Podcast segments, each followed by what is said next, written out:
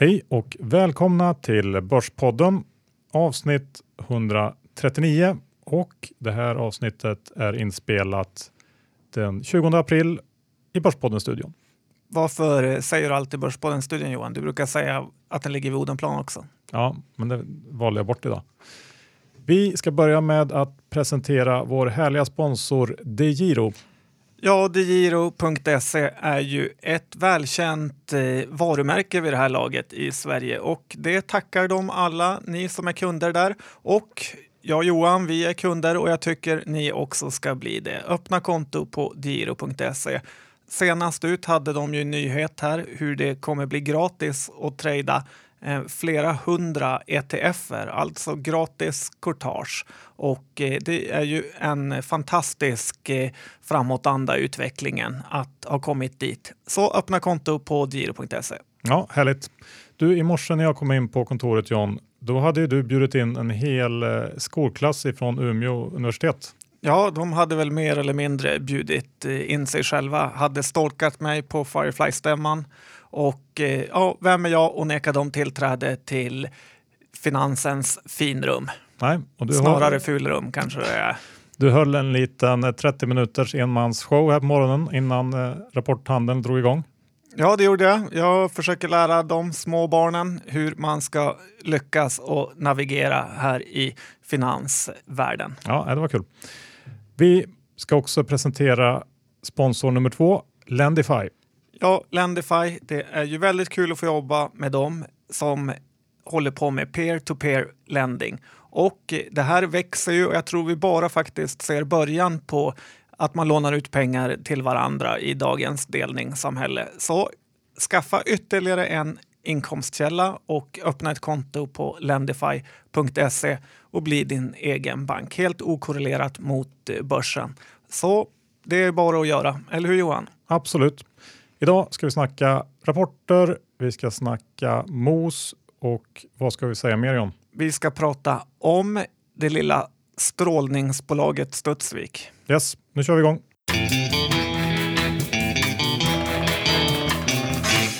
Johan Dr. Bass Isaksson, index står i 14-15 och vi har haft några rejäla uppgångsdagar. Och eh, om jag inte missminner mig så var det igår där och du sa att du var på väg att bli galen. Kan du kommentera? Nej, jag har lite samma känsla nu som jag hade ja, men typ när vi åkte till Omaha förra året i början på maj, slutet på april när börsen i princip stod på sin topp. Jag börjar känna samma sak, att är jag galen eller är det alla andra som är galen? Jag vet inte, men jag kan inte riktigt köpa den här börsen just nu. Jag har svårt att acceptera det.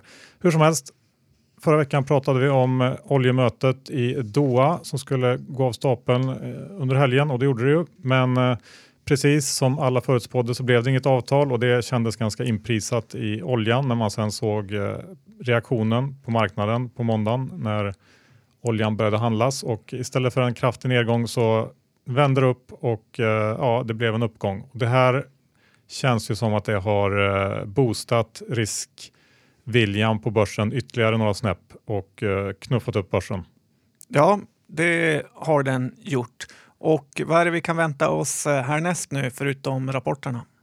Ja, eh, nu är det ju såklart fokus på rapporterna, men sen så kommer ju sommaren och ja, det brukar alltid vara en svag period och man kan ju också tänka sig att vi kanske börjar fokusera lite mer på Brexit och sådana saker. Vi får se, men just nu är det rapporterna och eh, det ska vi försöka klara av först.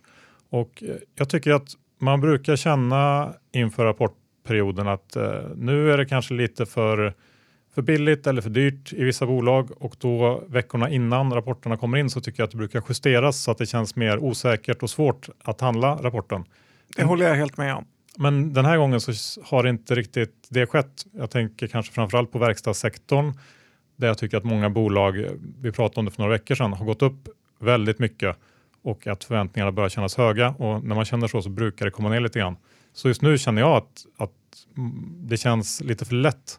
Men då kanske det blir tvärtom att rapporterna kommer in riktigt bra och aktierna skjuter upp i höjden. ja, men det, det har blivit lite av en citatmaskin här de sista dagarna i och med sådana grejer som att det kommer bli en väldigt lätt rapportperiod. Det är bara att sälja allting. Så det är väl lite så man hoppas med för att det kan ju gå och göra sig en hacka när det inte är så mycket frågetecken. Å andra sidan har ju rapporterna som har kommit in här i dagarna varit eh, faktiskt väldigt eh, bra och vi har i princip bara sett uppgångar på eh, bolagen som har kommit in. Så att eh, det är ju aldrig så lätt som man vill tro. Nej, det är sant John. Du, jag tänkte på en sak som jag funderat på några dagar här. Att um, mängden av småbolag som vi har fått in sista två, tre åren. Småbolag som uh, inte tjänar någonting utan bränner ganska mycket pengar varje år. Uh, den mängden har ju exploderat. Ja, framförallt skräpbolagen kanske du tänker på. Aktietorget liknande. Jag försökte säga det lite finare. Men det var det jag syftade på. Och bara Aktietorget har fått in nästan 100 nya bolag de sista tre åren. Jag kollade lite snabbt. Uh, och First North har säkert också fått in väldigt många. Och det jag tänkte på var att många av de här bolagen behöver ju matas med nytt kapital varje år för att kunna fortsätta. Och jag gissar att det handlar om eh, ett par miljarder per år som måste pumpas in i, i den här typen av bolag numera eh, för att hålla det flytande.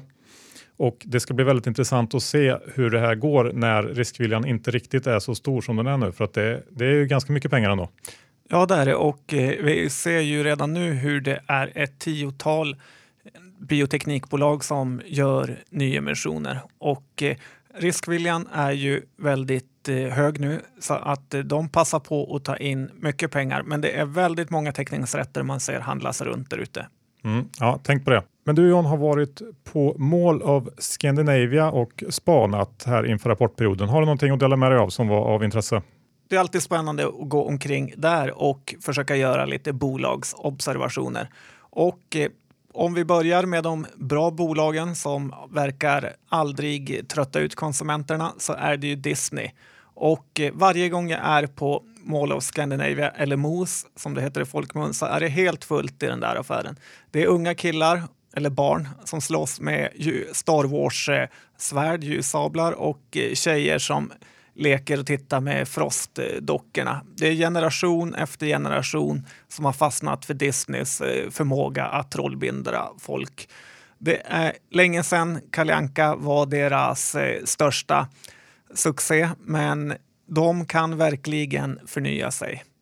Och en annan butik på Mos som går väldigt hett är Lego. Det danska familjeföretaget är en riktig hit. I början av den här IT Eran som vi har sett hade Lego rätt eh, svårt att anpassa sig.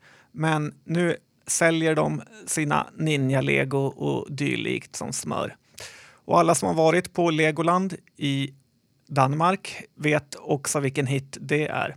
Det är nästan så att jag skulle vilja reka Disney att köpa Lego så får de både Legoland och eh, ett, en helt ny produkt att börja sälja. Och eh, tänk vilken expansion de skulle kunna sätta fart med alla Legoland-parker, Johan. Ja, det känns som en, en ganska bra idé. Hur, hur såg det ut i H&M? Ja, H&M var faktiskt full som vanligt. Däremot eh, pojkens alla påhitt med Other Stories och H&M Home verkar ju vara fullständiga floppar faktiskt. Det känns verkligen inte som att eh, det är något H&M borde ens ge sig in på. Har man en sån megabusiness som fungerar bra, varför ska man börja med jättekonstiga Hemtex kopior liknande? Nej, där har han ännu en gång inte fått det riktigt att funka.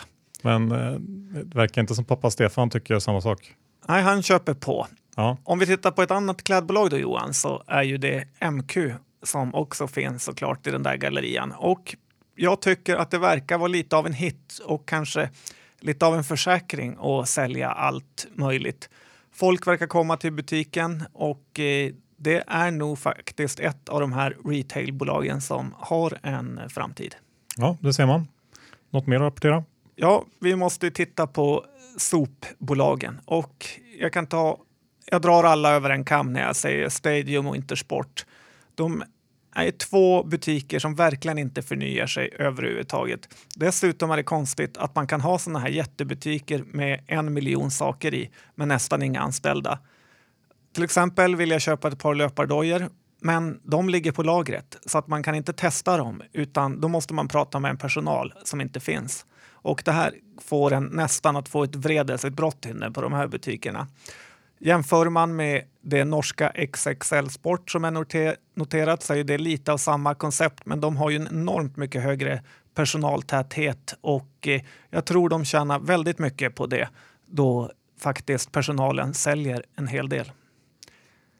Och Johan, soporna sopa till bolag Lexington.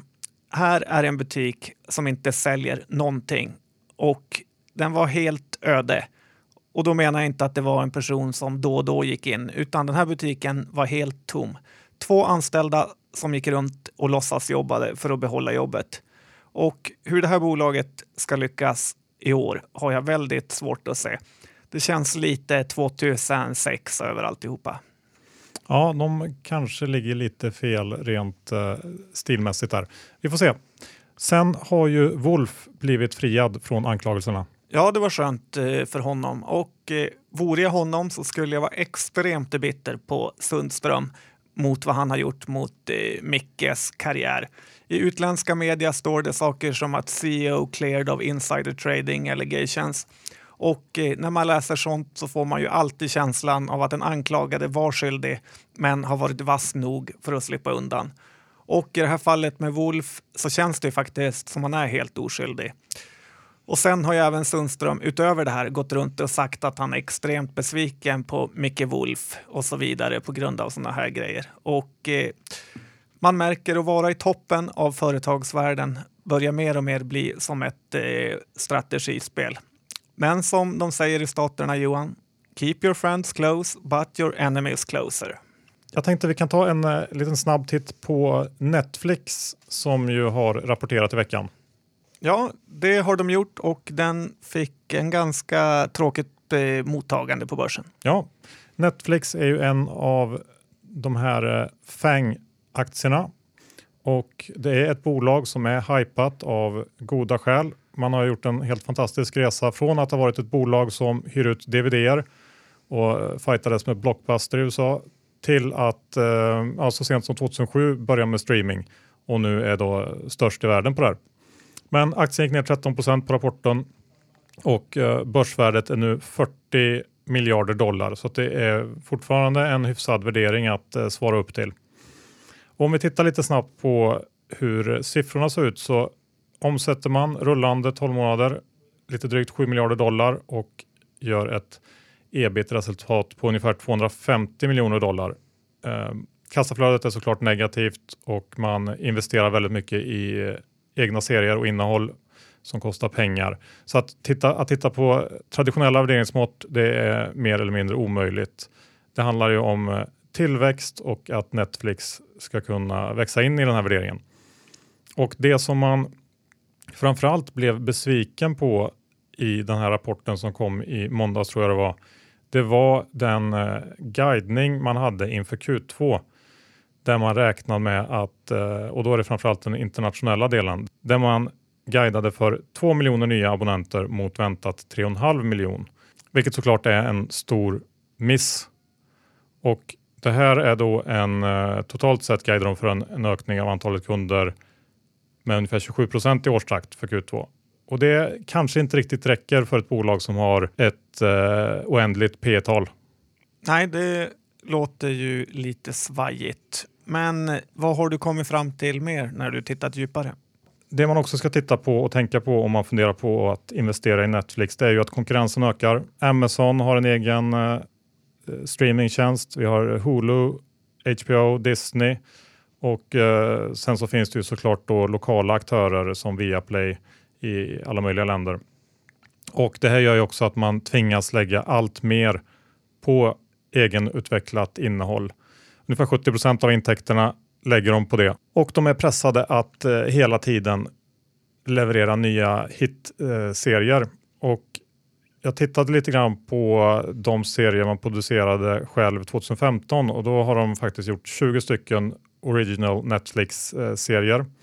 Men det var bara en som lyckades nå den här tröskeln att nå 20 procent av alla kunder i USA och att alla de tittar på alla avsnitt av serien. Vilket var lite av en besvikelse. House of Cards, kan man gissa på det? Ja, nästan. Den var nummer två. Det var faktiskt uh, Orange is the new black. Fäng tjejfängelset. Ja, precis.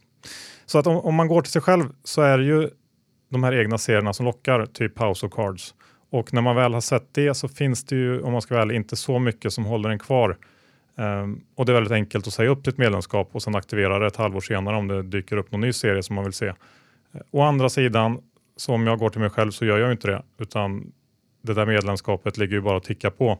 Så att jag, jag vet inte riktigt. Det man har att ta ställning till det är ju att man börjar nå en ganska hög eh, penetrationsgrad i USA och att man kan börja tvivla på tillväxten i resten av världen och dessutom har ökad konkurrens och eh, tvingas öka investeringarna i eget innehåll.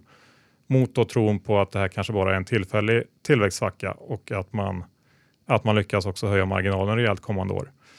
Eh, själv så tycker jag att eh, för mycket är inprisat här men jag förstår också samtidigt de som gillar det här bolaget för att det är ju ett fantastiskt bolag. Ja, det är det. Jag är också kund och tycker Netflix är otroligt mycket lättare och bättre att använda än HBO till exempel. Ja, det håller jag med om. Men det är ingen barnlek att räkna hem eh, aktien på den här värderingen. Det ska man ha med sig. Du, John, ska vi avsluta första delen med en uh, rapport från årsstämman hos Firefly, ditt favoritbolag?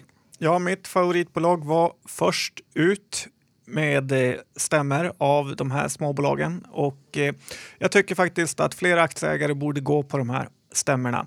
Det är ganska kul att träffa ledningen. Man får en presentpåse och sen kan man ta en afterstämma öl. Och eh, jag har ju pratat rätt mycket om Firefly så jag tänkte bara nämna det här med presentpåsen. Att man får en mobilladdare och jag kan inte ens få en vildaste tanke i mig hur man ska kunna köpa MyFC, varken aktien eller deras produkter. Och eh, då kanske någon säger att man ska ha den här laddaren som MyFC gör när det inte finns el på länge, typ i fjällen. Men då säger jag, i fjällen finns det ändå ingen täckning så då behöver du inte ha din mobil. Det är den ena taken jag tog med mig från stämman Johan. Och den andra är att Erik Mittregger fick väldigt mycket cred från många på stämman att han inte tog ut något arvode. Och jag tycker faktiskt att det är stort när man verkligen känner att huvudaktieägaren brinner och tror på bolaget och inte använder det för att sko sig själv. Det är 5 plus för Mittregger och eh, det, jag är imponerad av honom.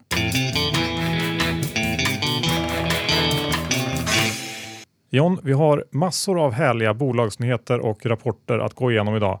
Men först ska vi säga några ord om Peppins. Ja, peppins.com. Gå in och regga er där för ett eh, konto. Det var ju helt fantastiskt hur fort Alvesta Glass blev eh, fylld med att ta in 17 miljoner kronor. Det tog bara tre veckor för dem att få in det på peppins.com. Och som sagt nordiskt eh, rekord vad jag har hört i alla fall. För er som missade det här så kommer det komma nya möjligheter och eh, vi ska ju bland annat leda den härliga galan som de kommer ha den 3 maj Johan och eh, gå in på vår hemsida och anmäl dig där för att eh, det kommer verkligen att bli roliga saker som händer där. Det är redan väldigt, väldigt eh, många anmälda och eh, Gör det ni med. Absolut, det vill ni inte missa. Först ut John, idag ska vi ta Studsvik. Ja, jag tycker vi ska ta den. Det här är en aktie som både du och jag har gillat och eh, jag rekade den i Avanzas börspanel här i december. Hade tyvärr inga aktier idag för att jag är ju mer spattig av mig. Du Johan som är en rutinerad räv satt med ett ganska rejält innehav och har nu fått skördat frukterna. Men kan du gå igenom lite hur landet ligger just nu? Absolut John. Eh, de gjorde ju en fantastisk affär nu på morgonen idag. Man säljer problembarnet avfallshantering till den franska jätten EDF för 355 miljoner. Och anledningen till att det är en fantastisk affär är ju dels att det här var en verksamhet som eh, gick med förlust och att eh, börsvärdet för hela bolaget innan den här affären var ungefär 250 miljoner. Så att eh, kvar efter att man säljer avfallshanteringen kommer konsultdelen och bränsle och materialtekniksdelen att vara. Börsvärdet idag efter den här kraftiga uppgången är väl ungefär 400 miljoner, men nu har man en nettokassa och eh, de här två benen som är kvar bör klara av att tjäna i alla fall 80-90 miljoner på rörelsenivå. Eh, så att det här ser ju fortsatt väldigt intressant ut tycker jag. Och jag har inte skördat frukterna faktiskt, utan jag har kvar mina aktier och köpt lite mer idag. Du har tagit frukterna och planterat dem, fröna, för att det ska växa ännu mer träd? Ja, ungefär så kan man säga. Och speciellt spännande i det här bolaget så tycker jag den här bränsle och materialtekniksdelen är. Eh, för där har man faktiskt en eh, världsledande mjukvara för drift och bränsleoptimering av kärnkraftverk. Och man har en väldigt bra position framförallt i Kina, vilket är viktigt för det är den del i världen där det byggs överlägset mest eh, nya kärnkraftverk just nu. Och um, det man också ska komma ihåg med det här bolaget är ju att det är i princip omöjligt att starta upp den här typen av verksamhet med tanke på den specialkunskap och de tillstånd och, och så vidare som krävs. Och det gör ju också att eh, det här är värt en hel del, vilket vi fick ett smakprov på idag kanske. Ja, varje gång Studsvik har sålt något har marknaden blivit väldigt överraskad vilket eh, pris de faktiskt har fått. Ja, precis. De sålde ju motsvarande del i USA för några år sedan, vilket också ledde till en eh, kraftig uppgång. Men jag tror att eh, det är lite annorlunda idag för nu är hela den här, eh, det här verksamhetsbenet borta och kvar är verksamheter som faktiskt tjänar pengar och som har ganska bra potential att eh, tjäna mycket mer än vad de eh, har gjort eh, sista åren. Så att, eh, jag tycker det ser spännande ut. Ja, och det är ju ofta ett bra läge att plocka upp en aktie när den är uppe så här högt just för att folk kan vara lite rädda för att köpa aktier som är upp 50 procent, vilket man såklart eh, ska vara. Men gör man hemläxan och tror på den så kan det vara ett läge ändå. Ja. Ska vi säga några ord om uh, Intrum, John? Intrum Justitia, bolaget som levererar och levererar varje gång. Och det här visar sig verkligen vara den här superaktien som man bara vill ha i portföljen som ska ligga och gro. Man kan ju undra om den gamla vdn Lars Wollung är bitter att han inte får fortsätta ratta det här superbygget som han själv byggt upp. Och eh, det finns en hel del, många bleka kopior ute på börsen nu och eh, som vill bli nya Intrum. Men det finns bara en. Och jag säger bara så här Johan, kommer ni ihåg vem som var vd på Intrum innan Lars Wollung började? Micke Wolf. Så om det är någon där ute som kan plocka upp Mikael Wolf billigt just nu så skulle jag göra det och sätta han i min företagsledning. Ja, det är en bra tanke. Tack. Sen har ju Byggmax kommit med rapport också Johan. Ja, hur var den då? Det var en kassrapport och man måste varit väldigt orutinerad om man har ägt Byggmax in i den här rapporten. Ingen handlar byggvaror på vintern och aktien var väldigt högt värderad. Jag vill se hur det utvecklas med deras förvärv av skånska byggvaror som de enligt mig och många andra köpte alldeles, alldeles för dyrt. Så jag tänker inte ens börja köpa Byggmax innan den har rasat mycket mer än så här. Nej, man kan nog vänta lite där. Ska vi hoppa över till ett annat problembolag, eh, Qliro, som ju också kom med en rätt kass rapport. Ja, Qliro vet verkligen hur man gör sina aktieägare besvikna, både i det långa och eh, korta perspektivet. Ja, men eh, aktien öppnade ner ganska mycket, men handlade sedan upp under dagen och var väl, stängde väl på plus va? Ja, det gjorde den. Ja. Och vad kan det bero på? För att e-handelsdelarna går ju faktiskt riktigt, riktigt dåligt och det man kan kanske se någon slags ljusglimt i är väl deras eh, Clearo Financial Services, deras finansdel som eh, börjar eh, generera lite intäkter. Ja, den är ju bra. Och tittar man på kanske Nelly.com som är en fullständig eh, katastrof så blir man ju bara mer orolig. Gå mm. in på Nelly.com och sen tittar ni vilka till exempel jackor de har så kan ni se att de har 30 olika jackor i 10 olika storlekar i 10 olika färger på lager som de bara kan skicka. Så att jag tror att vi kan få se mer nedskrivningar än vi har sett. Mm. Jag tror att det finns en hel del förhoppningar där ute om eh, kanske uppköp av hela eller delar av det här bolaget eller andra, andra strukturåtgärder så att säga från Kinnevik.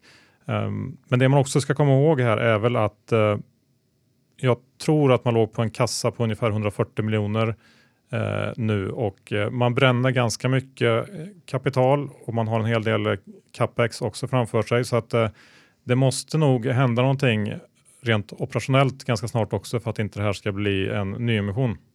Ja, så är det. Och vad gäller gymgrossisten har ju den fått betydligt tuffare konkurrens sista tiden. Det var bland annat en av mina spaningar från MOS var att det finns väldigt många hälsokostbutiker där, men alla gapar helt eh, tomma. Mm. Ska vi svänga över helt till ett storbolag, ABB kom idag, ja. först ut i verkstadssektorn. ASEA Brown Boveri. Den rapporten kändes väl eh, lite sådär halvljummen. Den var ganska okej okay och slog väl eh, estimaten lite grann över hela linjen. Men tittar man närmare på det så är det en del engångsposter positiva som drar upp resultatet och eh, även en del omstruktureringskostnader som ser ut att ha flyttats framåt i tiden. Eh, och det kan också vara värt att notera att aktiviteten inom olja och gas var eh, fortsatt låg.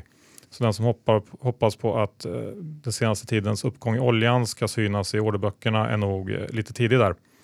Um, aktien upp 3 i alla fall, men all in all tycker jag att det här inte var någonting att hetsa upp sig jättemycket för. Nej, det kan de gott ta de självgoda schweizare tyskarna. en annan eh, favorit, AB är kanske inte en favorit, men Betsson är en favorit. Den överraskade negativt idag John. Ner 9% när vi spelar in. Och eh, det var väl framförallt eh, resultatet som var svagt men även omsättningen åt det svagare hållet. Eh, valuta och lite svagare sportboksmarginal förklarar missen delvis men svagt ändå tycker jag. Och uh, ja, inte jättekul. Å andra sidan en kraftig nedgång så tror man på börsen framöver så kan ju den här aktien vara någonting att titta på för en studs kanske. Ja, jag håller mig dock eh, borta från Betsson. Dels väldigt mycket hårdare konkurrens inom sportsboken som vi har sett Unibet göra reklam för och även Betssons alla härvor i Turkiet och eh, liknande. Dessutom såg man ju hur bra det hade gått för NetEnt Johan, vilket man kanske trodde skulle slå över lite på eh, Betsson liknande bolag. Men det har det tydligen inte gjort. Nej, nej men jag håller nog med där. Jag avvaktar också. Och eh, för att binda ihop säcken så kan vi också ta en bankrapport. Handelsbanken kom in idag och den är upp knappt 2% trots en ganska trist rapport här också. Och det ser faktiskt ut som att konsensus kan komma att få justera ner sina utdelningsförväntningar framöver. Så att eh, här, ja nej, det känns inte kul. Nej, vi säger lättnadsrally, att det inte var ännu värre. Men inga långsiktiga underverk kan vi vänta oss där. Nej. Innan vi säger tack och hej John, ska vi gå igenom eh, några IPOs kanske? Ja, men det är vi skyldiga våra lyssnare för att dela ut lite gratispengar som inte är våra. Vi tar från de rika och eh, ger till de fattiga. Eh, jag har tittat lite snabbt på Clean Motion, John. Ja, det är, låter som en riktig surdeg faktiskt, bara av eh, ljudvågorna. Ja, jag tror att du kan vara rätt ute där. De gör någon slags el-tuk-tuks, alltså trehjulingar som går på el och uh, det här bolaget är från Göteborg ska vi börja med att sälja, säga. Ja, det kan vara bra att ha med sig. Minus ett som de brukar skriva på Twitter. Ja, har funnits i sex år ungefär och har väl sålt nu någonstans runt 200 fordon på den här tiden. Och nu har man fått sin nya trehjuling godkänd i bland annat Indien, vilket håsas upp rejält i prospektet. Formuleringar som obegränsad marknad till exempel kan man hitta och eh, ja, jag får lite dålig feeling av det här. Idag omsätter det här bolaget mer eller mindre noll och eh, värderingen är knappt 90 miljoner pre-money. Man tar in 18 miljoner. Så en ganska stor emission med andra ord. Ja, Spontant så tror jag inte på det här el-tuk-tuks i Indien ja, jag, har svårt att eh, bli upphåsad och tro på den här drömmen. Nej, vi vet ju hur det är med marknader långt bort, enorma förväntningar. Det kan lätt komma på skam. Det är betydligt svårare att sälja än man tror. Så stay out. Yes. Sen så har det faktiskt dykt upp ett intressant eh, bolag i Finland. Ja, det är väl lite av en snackis faktiskt. Ja, Tokmanni. Det är mycket på T nu. Mm.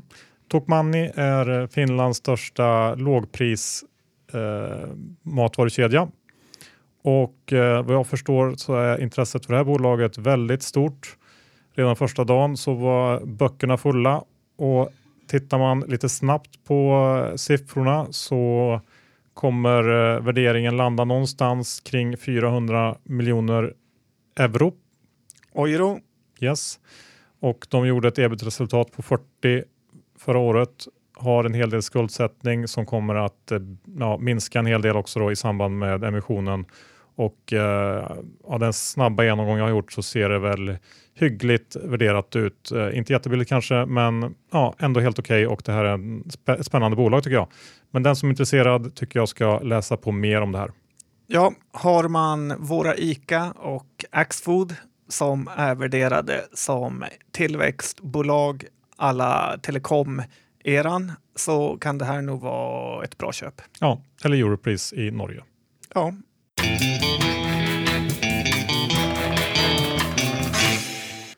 Vi ska tacka DeGiro för att ni tillhandahåller billig handel på världens alla börsar. Tack ja. så mycket DeGiro. Och nu nästan gratis med alla ETFer också. Så öppna konto giro.se. Och för er som vill komplettera intäktsströmmarna så passar ju Lendifys tjänster helt eh, perfekt som handen i handsken. Ja, det är en självklarhet att ha en eh, ytterligare dimension av pengaströmmar rakt ner i fickan. Ja. Och missa för guds skull inte Peppins stora lanseringsevent Pep Day den 3 maj där du och jag John ska vara moderatorer och guida er genom eh, ja, allt det här fantastiska som eh, Peppins kommer att göra med finansmarknaden. Ja, om vi får stå själva där Johan så kommer jag ju känna mig en enorm besvikelse på Börspodden-lyssnarna. Så se till att signa upp er på vår hemsida.